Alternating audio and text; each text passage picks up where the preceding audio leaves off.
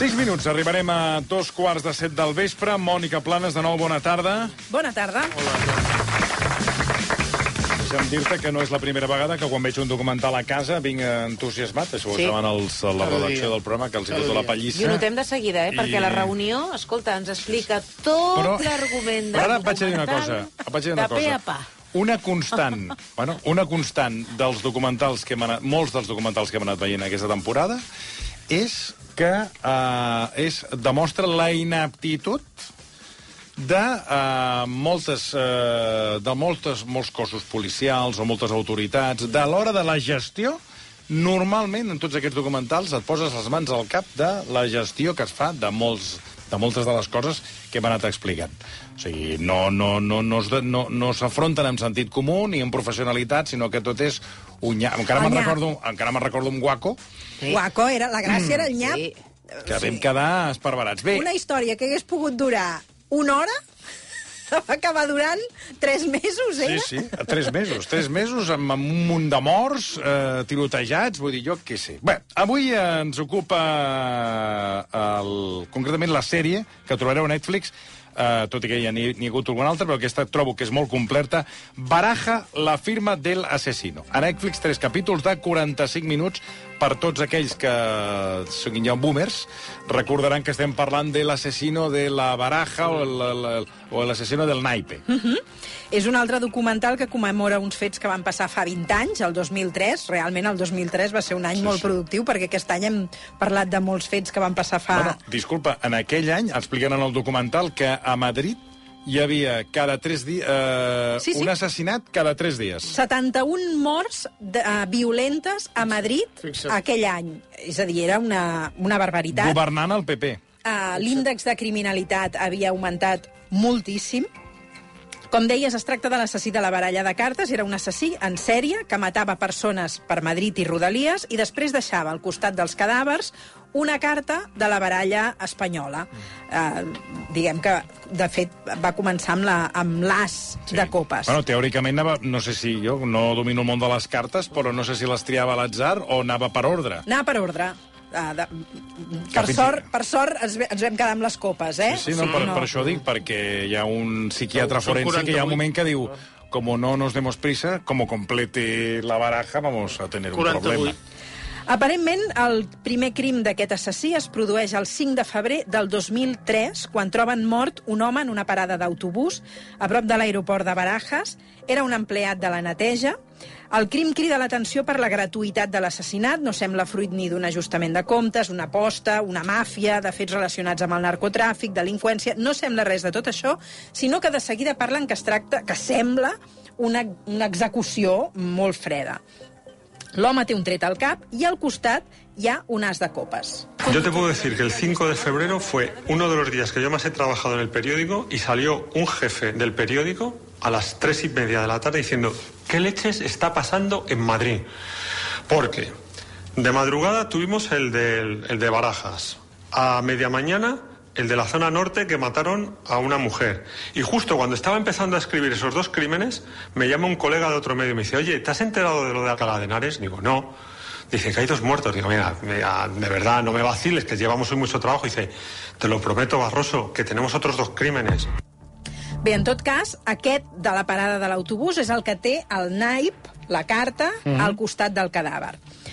Aquí hi ha la primera, eh, el primer nyap, i és que els, eh, el personal de la neteja, perquè la, la parada estigui operativa ràpidament al matí quan passi a, com comencin a passar el transport, és que netegen tot amb la Sí, manguera i, per carxes, tant, eh, carxes. perden part Molt de les bé. pistes i els rastres que teòricament També- havien d'estar allà. Disculpa, eh? eh? que a vegades la meva dona em dius que eh, t'avales a la, la Mònica Planes, però també deixa'm dir que és un assassinat que no li donen massa importància, vull dir... Mira, otro más. Eh, sí, com que hi havia un assassinat cada tres días, pues, eh, no, bueno, esto de un ajuste de cuentas, yeah. porque dir, sácalo rápido Sí, porque- y límpialo y, hasta- y tira millas. Pues- Sobretot per la cruesa de tots aquests assassinats. Eh? Eh, La majoria són eh, morts gratuïtes d'un tret al cap. o sigui que, que eh, són assassinats molt bèsties al mig del carrer. El 7 de març es produeix un altre crim. Una parella que està parlant al carrer, de matinada, veu com un home se'ls acosta, dispara un tret al cap d'ell i quan va disparar a la dona, l'arma s'encalla intenta disparar-la diverses vegades al cap, Uf. però l'arma s'encalla i al final marxa deixant una altra carta al costat del noi que mor, però ella aconsegueix sobreviure amb una sort absolutament impressionant i tenim la primera testimoni que aconsegueix veure qui és aquest assassí, perquè el té cara a cara, a poca, molt poca distància, i per tant és una persona que li ha vist la cara a aquest personatge. Ella s'escapa, representa. No No, no s'escapa, s'escapa. s'ajup. S'ajup. Ell, ell, ell l'assassí mata la Sí, primera víctima? No, el mata, em sembla que el fereix, no? Aquest, eh, Però mor al cap de molt poques Val. hores. I quan va assassinar, perquè porta el dos de copes... Sí, el dos de copes, ara ja, esclar. Uh, anava a assassinar la dona, uh, li Ella falla que- la pistola, ella l'únic que fa és uh, pro protegir-se amb els bra i protegir-se i intenta matar-la dos o tres cops, li falla la pistola i se'n va. O sigui, aquí se li va aparèixer... Sí, sí, tant. Sí, sí, torna a néixer aquesta dona. I la nit del 18 de març, per tant, tenim 5 de febrer, 7 de març i 18 de març del 2003 hi ha un doble assassinat, una parella eh, de romanesos. Ell feia un temps que vivia a Madrid i ell havia eh, arribat a Madrid feia dues setmanes. Estan passejant a la nit i són assassinats d'un tret al cap cadascun. I al seu costat hi ha el 3 i el 4 de copes. Hace apenas unas horas, en la localidad madrileña de Arganda del Rey, han aparecido dos cuerpos y a su lado dos cartas de la baraja. Un hombre asesinado y una mujer herida de gravedad por un disparo en la cabeza. Las cartas de la baraja, el 3 y el 4 de copas. Unos elementos que hacen pensar en la existencia de un asesino en serie que, de confirmarse, habría actuado por tercera vez. Uh, la dona, aquí diu que ha, ha, ha sobreviscut, però mor també al cap d'unes hores a l'hospital. I una de les enviades al lloc dels fets a Televisió Espanyola, a veure si, si la reconeixeu. Leticia Ortiz está en el lugar del crimen. Leticia, buenas tardes. ¿Es un lugar aislado? Sí, es un lugar bastante apartado, una especie de camino de tierra que quienes viven aquí utilizan para pasear y para sacar al perro. Está también rodeado de olivos. No sé si ustedes pueden ver detrás de mí un cordón policial. Tras ese cordón todavía hay varios agentes investigando, peinando la zona, buscando pistas que arrojen luz a un crimen que ha sacudido a los vecinos de Arganda del Rey.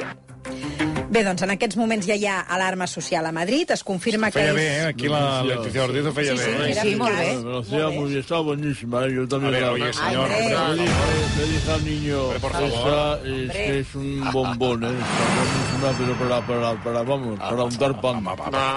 Uy, uy, uy, que- Es confirma que és un assassí en sèrie i tenen la certesa que l'home continuarà matant. Però no coincideix ni el dia, ni l'hora, ni el lloc. És a dir, no hi ha una pauta que els permeti preveure quan passarà, on pot passar, és a dir, que no saben per on començar a investigar. L'única pista que poden seguir és la de les bales, i això fa que un dels periodistes que investigui el cas descobreixi un fet rellevant. Hablo con los investigadores y me ponen una pequeña prueba. Y me dicen, hay un homicidio antes de las de copas que está ya relacionado con este. Digo, ¿cómo lo habéis relacionado? Dice, por balística. Digo, pues solo puede ser el de la calle Alonso Cano. ¿Tú cómo lo sabes? Digo, pues muy sencillo. Es el único sin resolver producido por arma de fuego en Madrid en este año. Per tant, hi ha un crim previ, un eh, que es va produir el 24 de gener. És un home mort assassinat d'un tret al cap davant del seu fill petit. És el porter d'un edifici i la vídua explica ara els fets. Había un enorme charco de sangre ahí. Mi niño estaba en la silla, solamente gemía. Él había estado como cuatro horas frente al cadáver de su padre.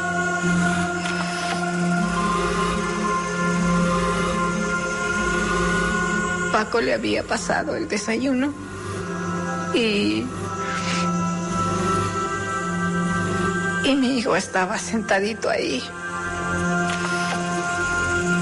Cuando yo entré, mi niño se bajó de la silla y se acercó, pero la angustia de ver esa escena tan dolorosa, yo salí a pedir ayuda a los vecinos. Pero nadie había visto nada. Nadie había escuchado nada. Y pues uno de los vecinos llamó al centro de salud más cercano para que vinieran. Y, y ahí cuando vino la persona del centro de salud nos enteramos que, que había fallecido. En el documental també parla el fill d'aquesta senyora, d'aquest home En aquest que primer clip assassina. també deixa una carta o no? No, en aquí en no, aquest hi ha, previ no, eh? no hi ha cap carta. Fa com tot un seguit d'assassinats paral·lels. Uns, deix, uns, diguéssim, que els fan amb el còdic del, de la carta, mm. i d'altres, no, però el modus operandi és el mateix. És I a dir, sobretot la entra- bala és la mateixa. La bala és la mateixa, per tant, és el mateix, i eh, tots els assassinats entren amb una fredor, perquè, clar, eh, la, la fredor... O sigui, a banda de, de disparar al cap, dispara davant dels fills, del, en cas, del, sense cap mena d'escrúpol. Uh, per aquesta declaració he notat que hi ha un, alguns moments... O no, de fet, el documental té un punt de... Té, no, és sensacionalista. Sí, perquè pugen eh? aquí la música... Pugen la i- música, sí, sí. ensenyen l'escena, hi ha una recreació en el testimoni, surt el fill d'aquest senyor, explica que ell no recorda lògic, res. A veure, quan te compraves el caso volies veure la Bueno, sí, això, hi ha algunes... Hi ha foto... el, el, el, el, el, el, el, el documental és complet perquè hi ha les, no les imatges de la víctima, però sí... Les el- escenes del crim. La, exacte, les escenes del crim amb Els la morts sang... no es veuen mai. Els conos, eh, allò que posa la policia, policia, els números, els naips Aquells plens de sang... aquells trianglets. Sí, exacte, I tot aquella allò. cinta, allò és molt... No, la cinta no. La cinta d'aquella època no se'n posava, de cinta. Ah, no se'n No. La sort de, de, No, és no que, la sort és que la bala que es fa servir no és o no era gens habitual. Yo tenía tres disparos. Y a mi hijo le metieron un tiro en la sien. Local se encuentra en estado grave. La policía de momento no descarta ninguna hipótesis, incluido el ajuste de cuentas. Me arrepiento mucho de haber cogido el bar rojas. Maldigo el día que lo cogí.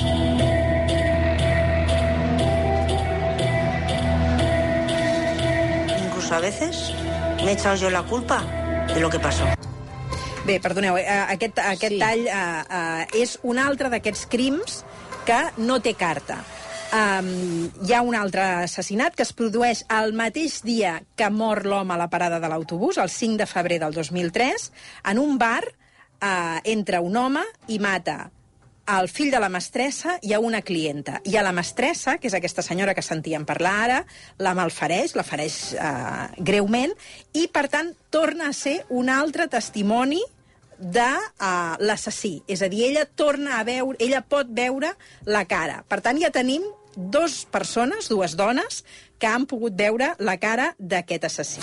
Que, per cert, aquest cas del bar Rojas, eh, quan explica la seqüència eh, que ell, l'assassí, entra, mata el seu fill amb un tret al cap, després mata, mata també amb una clienta, perquè la carta la porta el 3 de, el 3 de copes, i comença a disparar-la amb ella, la dispara tres cops i ella al final, per, eh, o sigui, per, per sortir de la situació, es fa la morta. És molt bèstia. I per rematar-la la torna a disparar i ella dissimula ella dissimula com si estigués morta. Vull dir que el testimoni d'aquesta dona es posa la pell de gallina. Ara sí, escoltem la singularitat de la, de la bala. Y las armas que más se utilizan en España para cometer hechos delictivos son las pistolas. Y en cuanto a calibre, el calibre internacional por autonomía es el 9 milímetros para ver. Y de repente sale un 762. Un 762 tocaré, eso llama la atención. Aquest 762 és una bala molt poc habitual. Uh, per tant, aquí ja hi ha una pista i és que totes les uh, bales que apareixen d'aquest model i, a més a més, percutides de la mateixa manera, és a dir, amb les mateixes marques que demostren que ha estat disparat des de la mateixa arma, és la pista més uh, fiable que, que tenen. Tornem a aquest, a aquest testimoni de la mestressa del bar, que li maten el fill i una clienta. Uh, ella passa molt temps a la UCI i um, aquí no hi havia la carta de, de, la, de la baralla. Però els policies uh, saben que han de seguir aquesta pista. Um, per cert, uh, us deia que hi havia aquests, uh, aquestes dues testimonis, Sí. canvis al rostre, i per tant demanen a totes dues persones que expliquin, que facin una descripció d'aquest assassí que han vist uh, per fer un retrat robot. Los investigadores iban poniendo un perfil, había dos retratos robots. Por un lado tenemos el que se elabora eh, en base a, la- a las declaraciones y a lo que cuenta la gerente del Bar Roja, la única superviviente de ese tiroteo en el que murieron otras dos personas. Y luego más tarde teníamos el retrato robot, el de Anahit, que es que ha estado cara a cara con él durante muchos segundos. Anahit hizo uno, Teresa del bar de hizo otro, y tú ves los dibujos juntos y dices, no, no, no es la misma persona. Per tant, són dues persones diferents, perquè els dos retrats robots no s'assemblen gens. Però gens, no tenen cap punt en comú. No s'assemblen gaire. Uh, sembla, per tant, passen a pensar si és possible que hi ha dues persones diferents Clar. disparant amb la mateixa arma. Uh, en tot cas, continuem amb la, amb la pista de les bales i l'arma i uh, intenten descobrir quin és el model de pistola. El arma es de procedencia rusa, de la ciudad de Tula. Es la conocida como TT, Tula Tokarev. Y ese arma, pues se utilizó incluso en muchos arsenales de países de influencia soviética. Por ejemplo, la versión que nos podría interesar en este caso, porque la munición es yugoslava, de la antigua Yugoslavia, pues era el modelo M57, que es la, la Tokarev yugoslava. Com que la pistola prové dels països de l'est, pensen qui pot ser que Espanya tingui una arma d'aquestes característiques. Es demana al Ministeri de Defensa una llista dels militars que han estat destinats a aquesta zona en els últims anys i que, a més a més, han estat diagnosticats de trastorns psiquiàtrics greus. La llista que els hi donen Sí, curteta, una llista re de, de, bueno, re de 3.000 soldats. Què, què dius? ara? 3.000 soldats amb problemes psiquiàtrics. A partir d'aquí, veuen que han d'intentar descartar opcions, però, clar, eh, tenint en compte l'activitat que té aquest assassí a l'hora de matar i la llargada de la llista, realment la situació és bastant eh, desesperant. A més a més, hi ha una revista que publica un reportatge on, per les característiques de uh, les bales de la pistola i dels morts, um, apunten que es pot tractar d'algun uh, militar que formi part de, de grups d'extrema dreta. I d'aquí van acotant el cercle fins a detenir un home que regenta un bar a prop del bar on havia hagut aquell assassinat Sí. i que, a més a més, el bar es diu igual, Bar Rojas. I aquí pensen, calla, ves que no sigui una qüestió Mm. de competència, que també em direu, és un argument una Home. mica cutre. Bueno, però és l'argument policial... I la resta dels morts, que que va- tenen a veure amb, Exacte, amb que, això. ten, que tenia els altres, aquells, aquells Bueno, del que no camí. fos per la competència, que fos I que, competència. i que... Bueno, argument, sí, clar. Eh, Sí, Quan és veus que... la sèrie no dones crèdit. Francament. De fet, Marta, no ets l'única que pensa això, sinó que tothom, quan veu que detenen el senyor de l'altre Bar Rojas, tot i que és un tio que realment és d'extrema dreta, ha format part de l'exèrcit, que pot tenir una pistola d'aquestes característiques, sembla que s'ajusta, però tots veuen que no lliga gaire. Um, I això és el que explica un dels periodistes. Los investigadores me decían, hay algo que no cuadra. Sabemos que sí, que es un tío malo, que se dedica, que es neonazi, que puede estar traficando con esto, que puede estar haciendo lo otro, pero no es un asesino. Digo, ¿pero es o no es? Dice, no es. Digo, "Joder, si no es, ¿por qué detenéis? Se me quedó uno de los investigadores así mirando y dice, ¿qué hay el próximo domingo? Entramos en la última semana de campaña electoral. Los partidos multiplican sus actos públicos. Las peticiones de voto de los distintos candidatos a cuatro días de las elecciones se hacen cada vez más intensas. Cuando uno pregunta a los madrileños cuál es el problema que a usted más le preocupa o cuál le parece el principal problema, contestan que la inseguridad ciudadana. Finalizan así 15 intensos días de campaña electoral. Digo, no me fastidies, digo, vais a detener por las elecciones. Dice, yo no te he dicho eso. Digo, vale, vale, ya me has dicho bastante.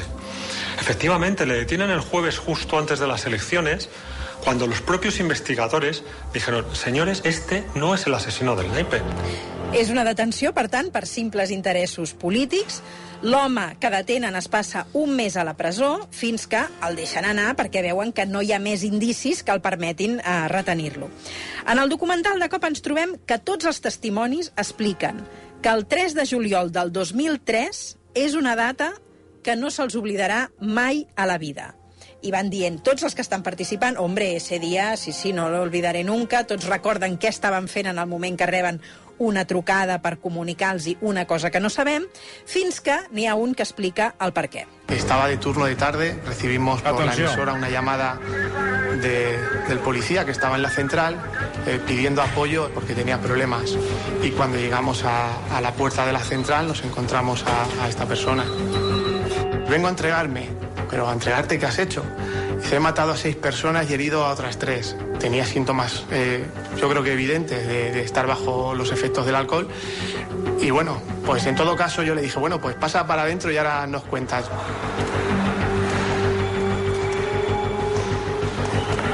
Cuando nos comunicó que él se identificaba que era el asesino de la baraja, eh, se llama a la comisaría de Policía Nacional y se le dice, tenemos una persona que ha venido aquí a la jefatura, se ha identificado como el asesino de la baraja, inmediatamente mandaron un Z y lo recogieron en nuestra jefatura y se lo llevaron. Doncs O bé, sigui, a veure, l'assassí es taja... I és lliure. va molt, be- molt, molt begut. Va molt begut i es... a Puerto Llano... Confessa que és l'assassí a- Sí, sí, en una comissaria. amb tots els detalls. se'n va a una comissaria de Puerto Llano i eh, diu que, ell, que és ell, que és ell i que, que el detinguin i dona detalls rellevants dels fets i, per tant, l'interroguen. Diuen, sí, sí, doncs quedeu-vos-al i parleu amb ell. I això és el que declara el policia que l'interroga. La conversación duró unas tres horas. Él estaba tranquilo, muy sereno, narrando todo lo que decía. Y que lo podía comprobar llamando al grupo de policía judicial que llevaba el caso en Madrid, porque no había salido el detalle de que las cartas estaban marcadas con un punto de rotulador. Que ese detalle no había salido en la televisión. És a dir, totes les cartes que s'havien deixat al costat dels cadàvers sí. tenien al centre, sabeu com estan, pin... sabeu com estan decorades, Mm. no? Sí. Aquestes cartes pel revés tenen com unes sanefes, Al així. darrere, sí. I al punt central hi havia un punt amb un marcat amb rotulador blau. Això no s'ha comentat fins en aquest moment en el documental i és una informació que els policies sabien però que no havia transcendit públicament perquè van pensar que en algun moment convindria contrastar aquesta informació. Però és que se n'adonen que el tio que està dient que és ell els hi diu fixeu-vos que darrere de cada carta hi ha aquest punt marcat Clar, de, això només ho podia color. saber l'assassí. Per això, per això el diuen, és ell, És ell. perquè només ho sabia Home, i la policia i ho sabia l'assassí. Exacte. Qui és aquest home que s'entrega a la comissaria de Puerto Llano? Y la pregunta que mucha gente se hace en este momento es quién es Alfredo Galán, quién es el hombre que dice ser el asesino de la baraja. Tiene 26 años, es huérfano de madre y fue criado por su abuela. Tiene cuatro hermanos. Vivía en Villalvilla, un municipio de Madrid. Sus conocidos nunca le vieron con una chica. Era mal estudiante, muy repetidor y se hizo militar porque sentía un gran amor por las armas. Atenció a aquest concepte. Sus vecinos dicen que nunca se le vio con una chica. Con una chica, pues bueno, és oiga, important, pues eh? hace perquè lo que le da la gana també la ja, gente. mira com acabes, eh? No, que dius, ah, si un home no va amb dones, alerta, No, home, perquè home, pot ser un a veure, assassí pot ser un en assassí en sèrie. sèrie, A veure, correcte. eh? A veure. Però què passa? El tanquen a la garjola de comissaria i l'endemà Se li baixa la turca, no és gens. Clar, sí, sí. Més ho diuen en el documental. Se li baja la borratxera i dona clar, una altra versió. Alfredo Galán está en los calabozos, pero pasa el tiempo suficiente para que se le pase la borrachera. Cuando se le pasa la borrachera a Alfredo Galán, niega todo. Ara la policia té 72 hores per demostrar que és ell. Si no, l'hauran de deixar anar. Per tant, necessiten Però trobar... per què 72 hores? Si aquest home ha confessat, que, o sigui, ha dit lo del punt, sap coses Sí, que però només... després ell diu que no, que... Però- Bueno, però ja ho ha dit. Retracta. No, Ja ho ha no, dit. No, les es veu que mm, a nivell Judicial? legal tens 72 hores per mantenir aquell senyor allà dins i has de trobar ràpid indicis o proves o, o circumstàncies que permetin mantenir aquell home tancat allà, sobretot si penses que, que realment és possible que sigui ell. Tot sigui dit, el, la imatge que veiem del senyor que s'entrega a la comissaria de Puerto Llano i els dos retrats robots No s'assemblen en res. Però bueno, en res, com una o una castanya. Una o una castanya, O sigui, Mare. que a, aquí ja penses, no deu ser ell, perquè aquest senyor, a la que t'ensenyen la cara que té, dius, home, però aquest senyor amb el del retrat robot, no s'assembla, i això també et fa desconfiar. Què fan els policies? Immediatament se'n van a casa d'aquest senyor A ver si alarma. a registrar. Para nosotros es importante porque es del 762 Tocaré.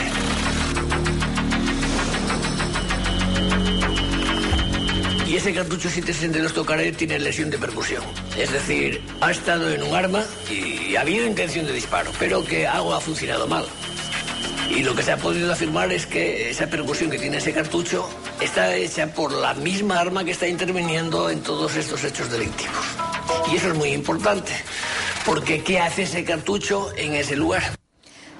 Troben a casa seva aquest cartutx d'armes eh, que ja han estat percutides però que no han acabat de sortir de la pistola, que això indicaria que hi ha unes bales que no acaben de sortir i que la pistola de tant en tant s'encalla. Correcte, que ja sabem que això havia passat. Mm. Però la marca que tenen les bales indiquen que han estat en la mateixa pistola que ha assassinat a les altres persones. Però l'home assegura que no, que ell només va vendre l'arma als autèntics assassins. Afirma que sus confesiones anteriores son todas falsas. Asegura que conoce a los culpables. Según Galán, son dos cabezas rapadas conocidos suyos, a los que les vendió la pistola que se trajo de Bosnia. Creo que es bastante factible la declaración que ha hecho hoy. Le dieron dos meses para entregarse y que si no lo hacía, a sus hermanas le iban a poner el 5 y el 6 de copas. Es decir, que iban a matarlas. Bé, us deixo aquí la història. És ell? No és ell? Són aquests coneguts seus que van vendre? No? Això ho trobareu en el tercer episodi de uh, Baraja, la firma de l'assassino. No anaven xiques, eh? Mònica Planes. A Netflix. moltíssimes, moltíssimes gràcies. A vosaltres. Un plaer.